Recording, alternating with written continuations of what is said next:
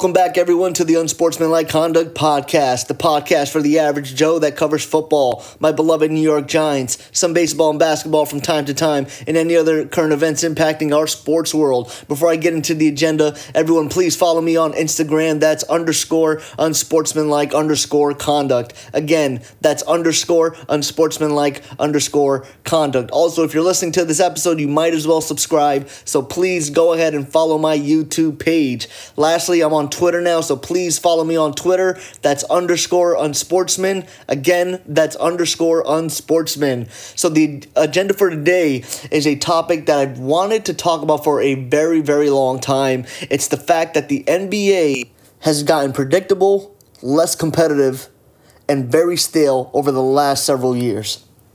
And I thought it was perfect timing to discuss this topic, discuss my thoughts on the NBA after earlier this week during the lottery uh, selection when all the New York Knicks fans found out that they weren't going to be picking number one overall in this year's 2019 NBA draft.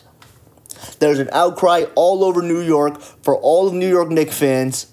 It was a topic of discussion of with respects to basketball. First Take was all over it. Undisputed was all over it. Around the Horn was all over it. All of those key shows on ESPN and Fox Sports were all over this. The fact that the New York Knicks will not be able to draft Zion Williams because they landed the number three overall pick and not the number one overall pick. But and that's my issue with the NBA. There's not enough talent in the NBA to grow teams organically. That's why every single year there is a free agent that is that is expected to jump go to a new team or, uh, or, or and then teams are also sort of methodically and slowly trying to build super teams not equally to you know LeBron James, Dwyane Wade, and Chris Bosh on, on you know several years ago with that Miami Heat team. Not necessarily up to that caliber, but they're slowly trying to create some sort of form or or version of that.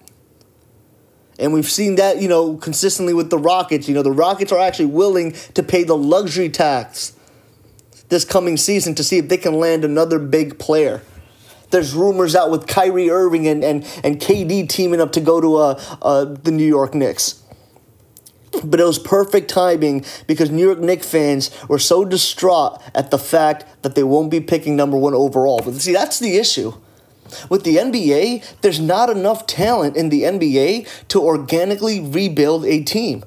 That's why every single year it's very predictable for the NBA playoffs. Everyone knows who's going to be really be in it, who's going to make it to the finals, and probably this is the first year we don't see LeBron James in the NBA playoffs. So that's the only reason why we don't see him in the finals this year. And thankfully, he left conferences you know, imagine he would have jumped in any other team in the Eastern Conference. No one would care how well Giannis uh, is doing. No one would care that Kawhi has literally single handedly led this Raptors team to the Eastern Conference Finals. Because LeBron James would be there leading a, a another team as well if he was still on the in the Eastern Conference. Did people really expect the Houston Rockets to really beat the Golden State Warriors? But before I get off track, I really want to focus on the draft. Players are not ready for the NBA when they get drafted. That's why every single year there's almost there's literally only five up to five players that are, are that, that are highly coveted. Actually, no, there are maybe one to two players that are highly coveted, and then the remaining, you know, three or four players within that top five, top six, seven picks are, are, are sort of uh, slightly coveted players. And then after that, the rest of the the the, uh, the draft pool is trash. It's garbage. You can't build around in the NBA draft. You know, teams tank as part of their mission statement every single year, and they end up landing within the top 10. And they consistently hit and miss on their picks. Or, excuse me, swing and miss on their draft picks. It's very hard in the NBA to rebuild a team organically because these players in college, they're these scrawny athletes. They're not ready for the NBA game. In college, in, in college, it's legitimately a team sport. The ball moves around, players move around in an offensive system. These guys come into the NBA and they can't even lead a team. Some of these guys that were averaging 10, 15, 20 points sometimes don't even get any burn. So many more busts come out of the NBA draft that, that sort of I can remember than NFL players.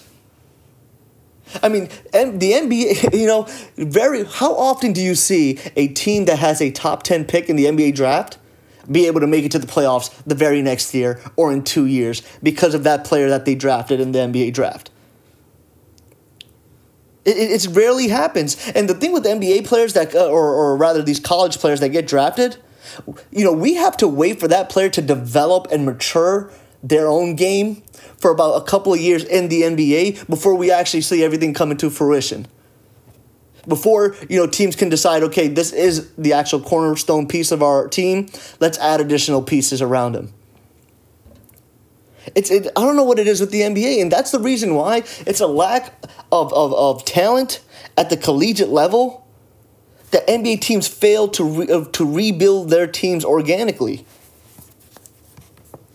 Very few teams can do that. I think the Boston Celtics were very successful with rebuilding through the draft and key free agent signings in trades. I thought the Portland Trailblazers sort of did that, and we all know that the Golden State Warriors did a tremendous job doing that. OKC did that several years ago when they had Kevin Durant, Russell Westbrook, and James Harden. Think about that. Those are three of the top 10 NBA players. OKC was able to do that. And then what happened after that? after KD left, after James Harden left. The Thunder had to wait for Paul George. They had to sign Paul George instead of rebuilding and drafting the right way. In the NBA, you cannot draft the right way. It is very hard for teams to draft methodically and be right on their draft picks year in and year out to make sure that their teams remain competitive. So, you know what ends up happening? The select few teams that had their shit together with their draft picks, that were able to splurge in free agency, are the main core teams every single year that dominate the NBA. I mean, give me a break. Do, do people really think the Portland Trailblazers are gonna beat the Golden State Warriors? Even without Durant, I knew there was no way that the Portland Trailblazers could beat the Warriors. Okay, Damian Lillard and CJ McCollum are a great backcourt but they are nowhere near as great as Steph Curry and Klay Thompson. And that, that, that is that they are nowhere near as, as lethal, the way they move around to get open for the ball, the way they can create their own shot, the way their offensive systems are built for both of those guys to just go off in any second. It is a completely different uh, style of play versus the backcourt with CJ McCollum and uh, uh, um, Damian Lillard. With CJ McCollum and Damian Lillard, it's literally either one of them is at the top of the key and it's dribble, dribble, dribble, dribble, dribble, and then shoot within 10 to 5 seconds left on the shot clock. With Steph Curry and Klay Thompson, they can create shots for other people. They move around within the system. Sometimes Draymond Green can play point and find those guys open. And those guys are willing to, uh, to drive to the basket off of screens and picks. They are not comparable to the backcourt of uh, Portland Trailblazers. So I knew I knew right off the bat. I'm like, okay, great. Portland Trailblazers are advancing to the uh, Western Conference Finals. They beat the Denver Nuggets. That, that you know that's great and all, but there's no way they were going to beat the Warriors. I mean, like I don't care about Giannis. I don't care about Kawhi, because when they make it to the finals, they're not going to beat the Warriors. These teams aren't good enough to beat the Warriors. And then you know before before the Warriors became a dynasty, who was the teams? It was whatever team LeBron James was on, whether that was the Cavaliers or the Miami Heat. And then the Spurs were dominant. The Spurs have been dominant for such a long time. Obviously, when the Lakers in their heyday were a dominant team for a very long time. Look at the all the other teams. I mean, the NBA is, I think, is currently in a crisis, and something needs to change. I think, and I think the change could happen at the collegiate level. Require these these athletes to to you know to to stay in college for at least maybe two years. Let these kids develop and grow. It's very different than the NFL. Because in the NFL, you can have a rookie quarterback come in and literally lead the uh, literally lead that team to a playoff spot. There are sometimes rookie play- players or first or second year players that are usually lead in, in, in their respective categories from a statistic standpoint. And then within, a, within two to three years, they become a top five in their position. You don't see that with the NBA. With the NBA, you have your, your, your, your players that have been dominant for that decade. And every single year, you see the same players top five in assists, top five in rebounds, steals, blocks, points. Whereas in the NFL, you have young quarterbacks leading in their statistics, landing in the top 10, top five. Guys like Deshaun Watson, uh, Patrick Mahomes, Baker Mayfield. I mean, those guys, after a year or two, you know, NFL teams know this is the guy that's going to lead that team. I mean, some of them are arguably, you know, analysts probably think that Deshaun Watson and Patrick Mahomes are top 10 quarterbacks in the league.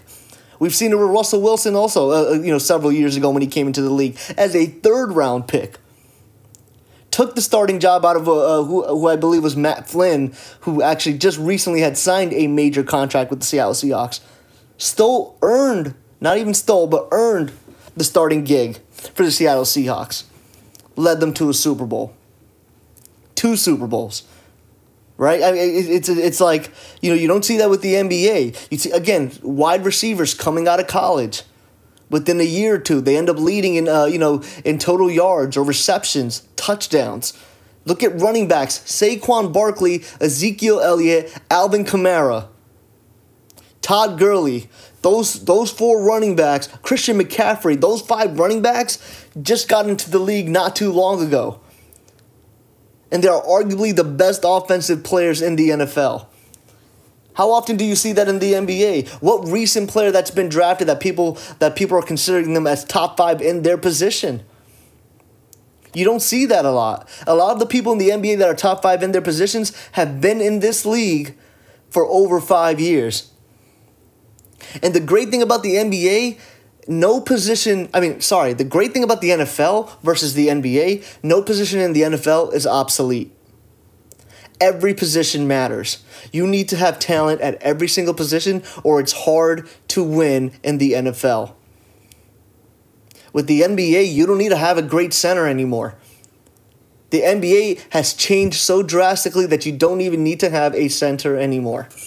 And so that I think that's also another reason why teams can't grow organically because they're looking for the next Steph Curry. They're looking for you know the next shooter, the guy that or or or the next guard, the next best wing player to build off of. Remember back in, in, in the early and mid 2000s, you needed a good power forward and a good center. Offensively gifted and defensive, defensively gifted uh, power forwards and centers. Those two guys needed to be great on both sides of the ball for you to have a legitimate, complete team. And your point guard didn't need to be this amazing scorer, but the point guard needed to be a great distributor, a great leader, and then you needed just one good wing player. Now, everyone needs to be able to score 20, 30 points at any given night for you to remain competitive. And the, the, this whole thing with the super teams, that's forced that that that none of these teams look like they're they're they're they're uh, they're teams.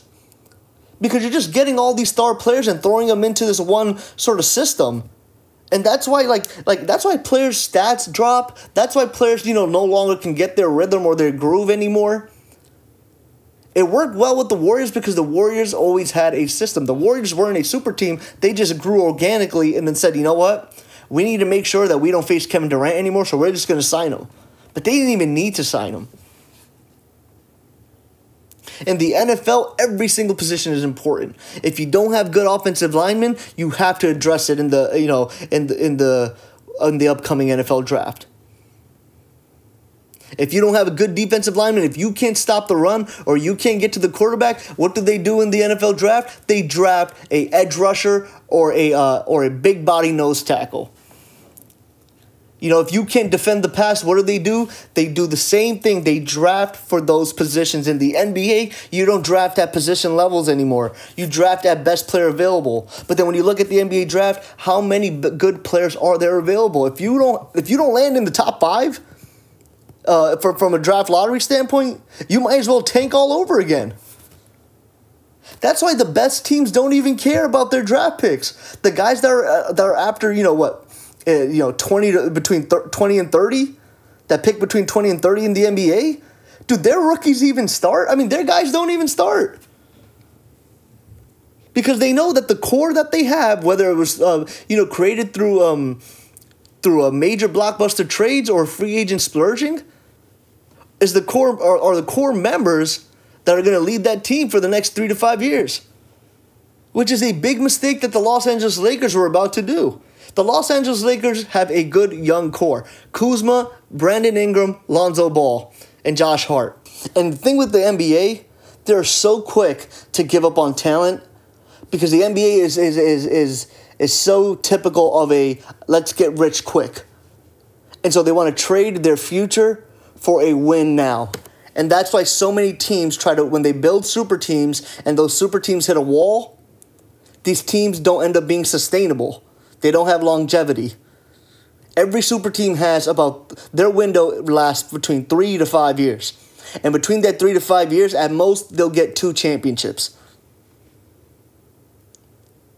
But they give away their future. And the thing with the NFL is, if they had a core similar, a young group of guys that had a promising future, like Lonzo Ball, Brandon Ingram, Kyle Kuzma, Josh Hart, if they had a core like that from an NFL team perspective, the NFL teams would never trade those guys because they value those that young talent way more than the NBA values their, their own young talent.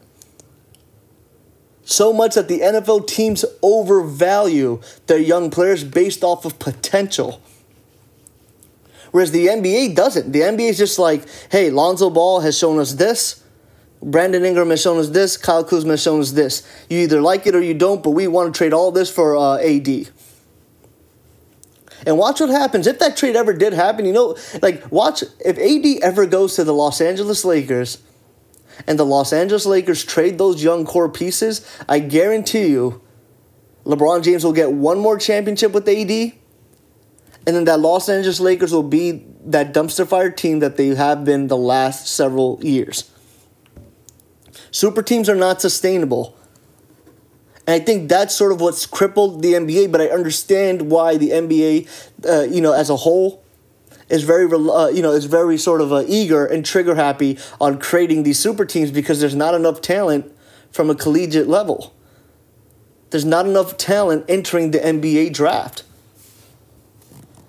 I mean, who cares if you have, like, in the NFL, you can find talent anywhere. Even in the third round, a third, fourth, even your third, fourth, and fifth rounds are so important in the NFL draft. But in the NBA, if you're not within the top five or a top 10 pick, you might as well trade those picks away. There's no such thing as draft capital in the NBA. People don't care about draft capital. It, it, it, it, it's ridiculous and it's just not good basketball to watch anymore. There's no story. You know, there's just no more story. There's nothing throughout the season that wants to keep me engaged. I don't care that James Harden is, is averaging an insane amount of points. I don't care that Russell Westbrook got triple doubles. The NBA is, is very player centric and it's not team centric. Whereas with the NFL, you see uh, surging teams, new teams every single year. New teams getting the wild card spot, new teams being division leaders. And that's another important thing about the NFL, which is why it's so exciting. There's always a couple of teams that are in the fight to win their division. In the NBA, people don't care about that. There's no division rivalries.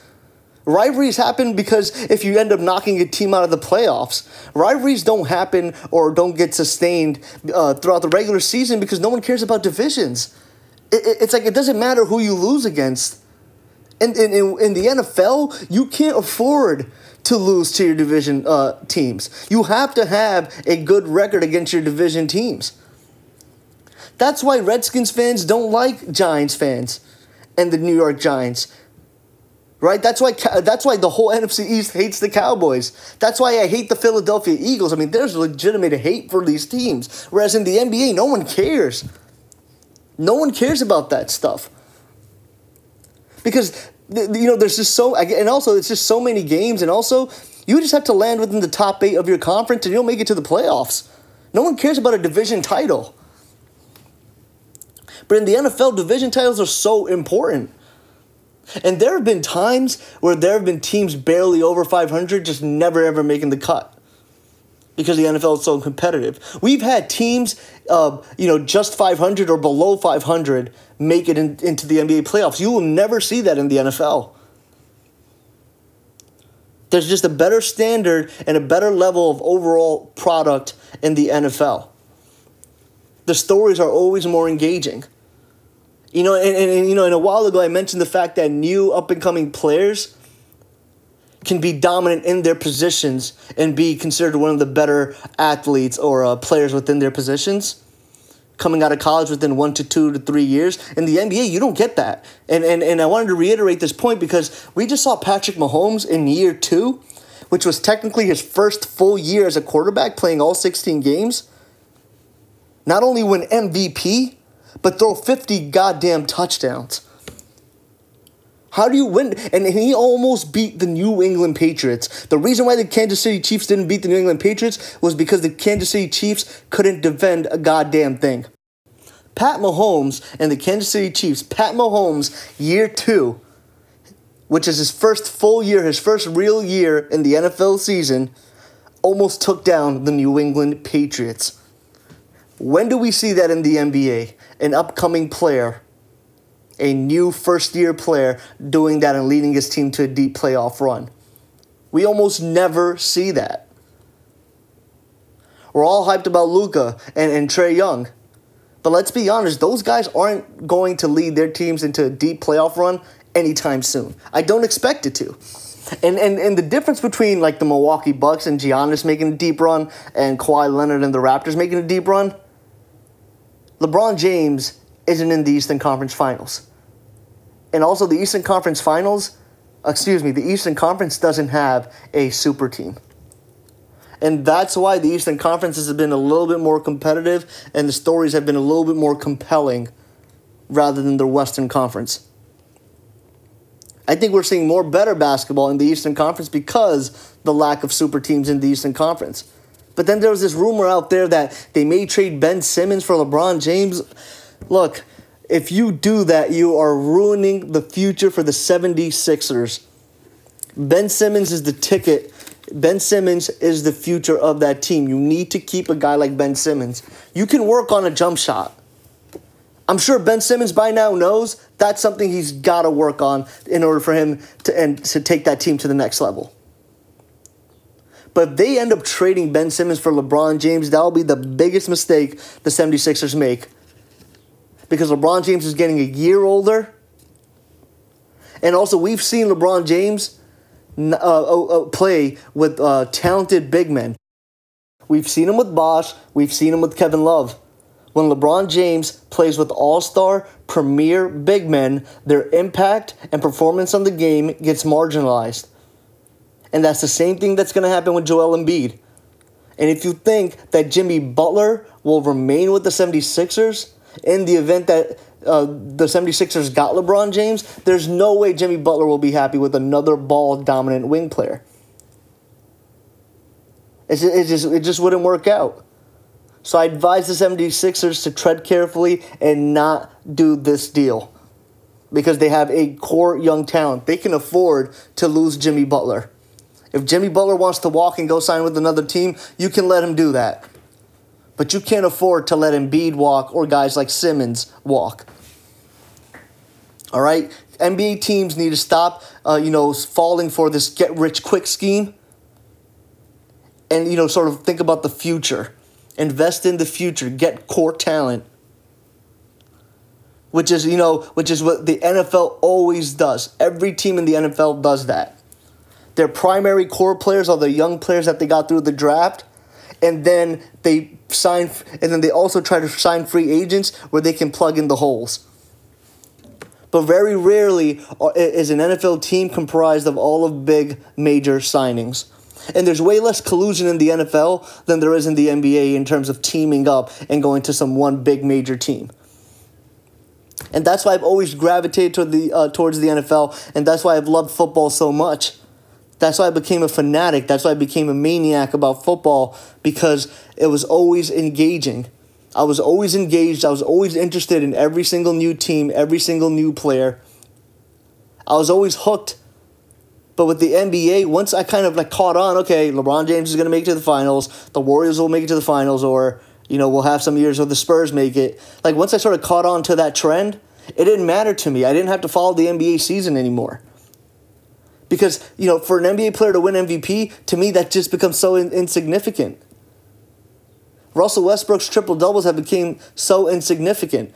James Harden, uh, you know, going on these, uh, you know, thirty point tears, that becomes insignificant because there's just so many super, well, not so many super teams, but the few super teams that there are are going to dominate the league, are going to dominate in the playoffs and go all the way, and that's the consistent theme in the NBA. I just want good competitive basketball again. I miss the days where Tracy McGrady had to literally lead the Houston Rockets to win a game. I, you know, I miss the days where it was just Kobe Bryant and then he had, you know, Bynum and Gasol, but you knew that if Kobe Bryant didn't drop 25 plus, this Lakers team couldn't win a championship.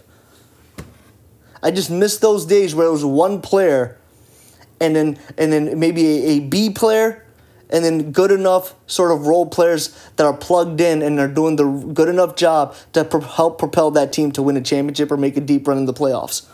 But you don't see that anymore. And then other great players, guys like Damian Lillard, their, their impact on the game, their performance in the playoffs, it gets minimalized. People forget about it so quickly because now they're about to get swept by the Warriors. It's unfortunate and the NBA needs to be fixed. And you know what? I may not even be that tuned into the finals. Because why am I going to watch something that's more that, that that's predictable? See, you know, you know, wrestling is scripted, but wrestling uh, isn't predictable like the NBA is. The NBA is more predictable than the WWE is. It's it's way harder for me to sort of figure out who's going to win a match even after reading all the blogs and rumors than the NBA because the NBA is just so it's so top heavy. I think that's the perfect way to uh, you know sort of categorize the NBA. The NBA is so top heavy. There's no middle tier talent that can overtake the top talent. And you know for a fact, seventh and eighth seed teams will never upset the first and second seed teams in the playoffs. But we've seen instances in the NFL where a wild card team makes it to the Super Bowl and wins the Super Bowl. I just want a better distribution of competition and talent across all 30 NBA teams. That's all I'm asking for.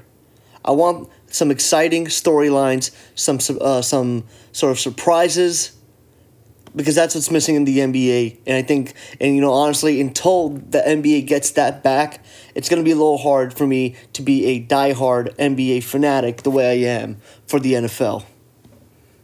And folks, that's it. That wraps it up. That was episode eight. Thanks for tuning in. Again, please make sure you follow me on Instagram. That's underscore unsportsmanlike underscore conduct. Again, that's underscore unsportsmanlike underscore conduct. Also, as you're done listening to this, please drop some comments, like my YouTube video, and also make sure you subscribe. And then lastly, I'm also on Twitter, so please follow my Twitter page. That's at underscore unsportsman. Again, that's at underscore unsportsman. Peace out until next time. The podcast you just heard was made using Anchor. Ever thought about making your own podcast? Anchor makes it really easy for anyone to get started. It's a one stop shop for recording, hosting, and distributing podcasts. Best of all, it's 100% free. Sign up now at anchor.fm slash new. That's anchor.fm slash new to get started.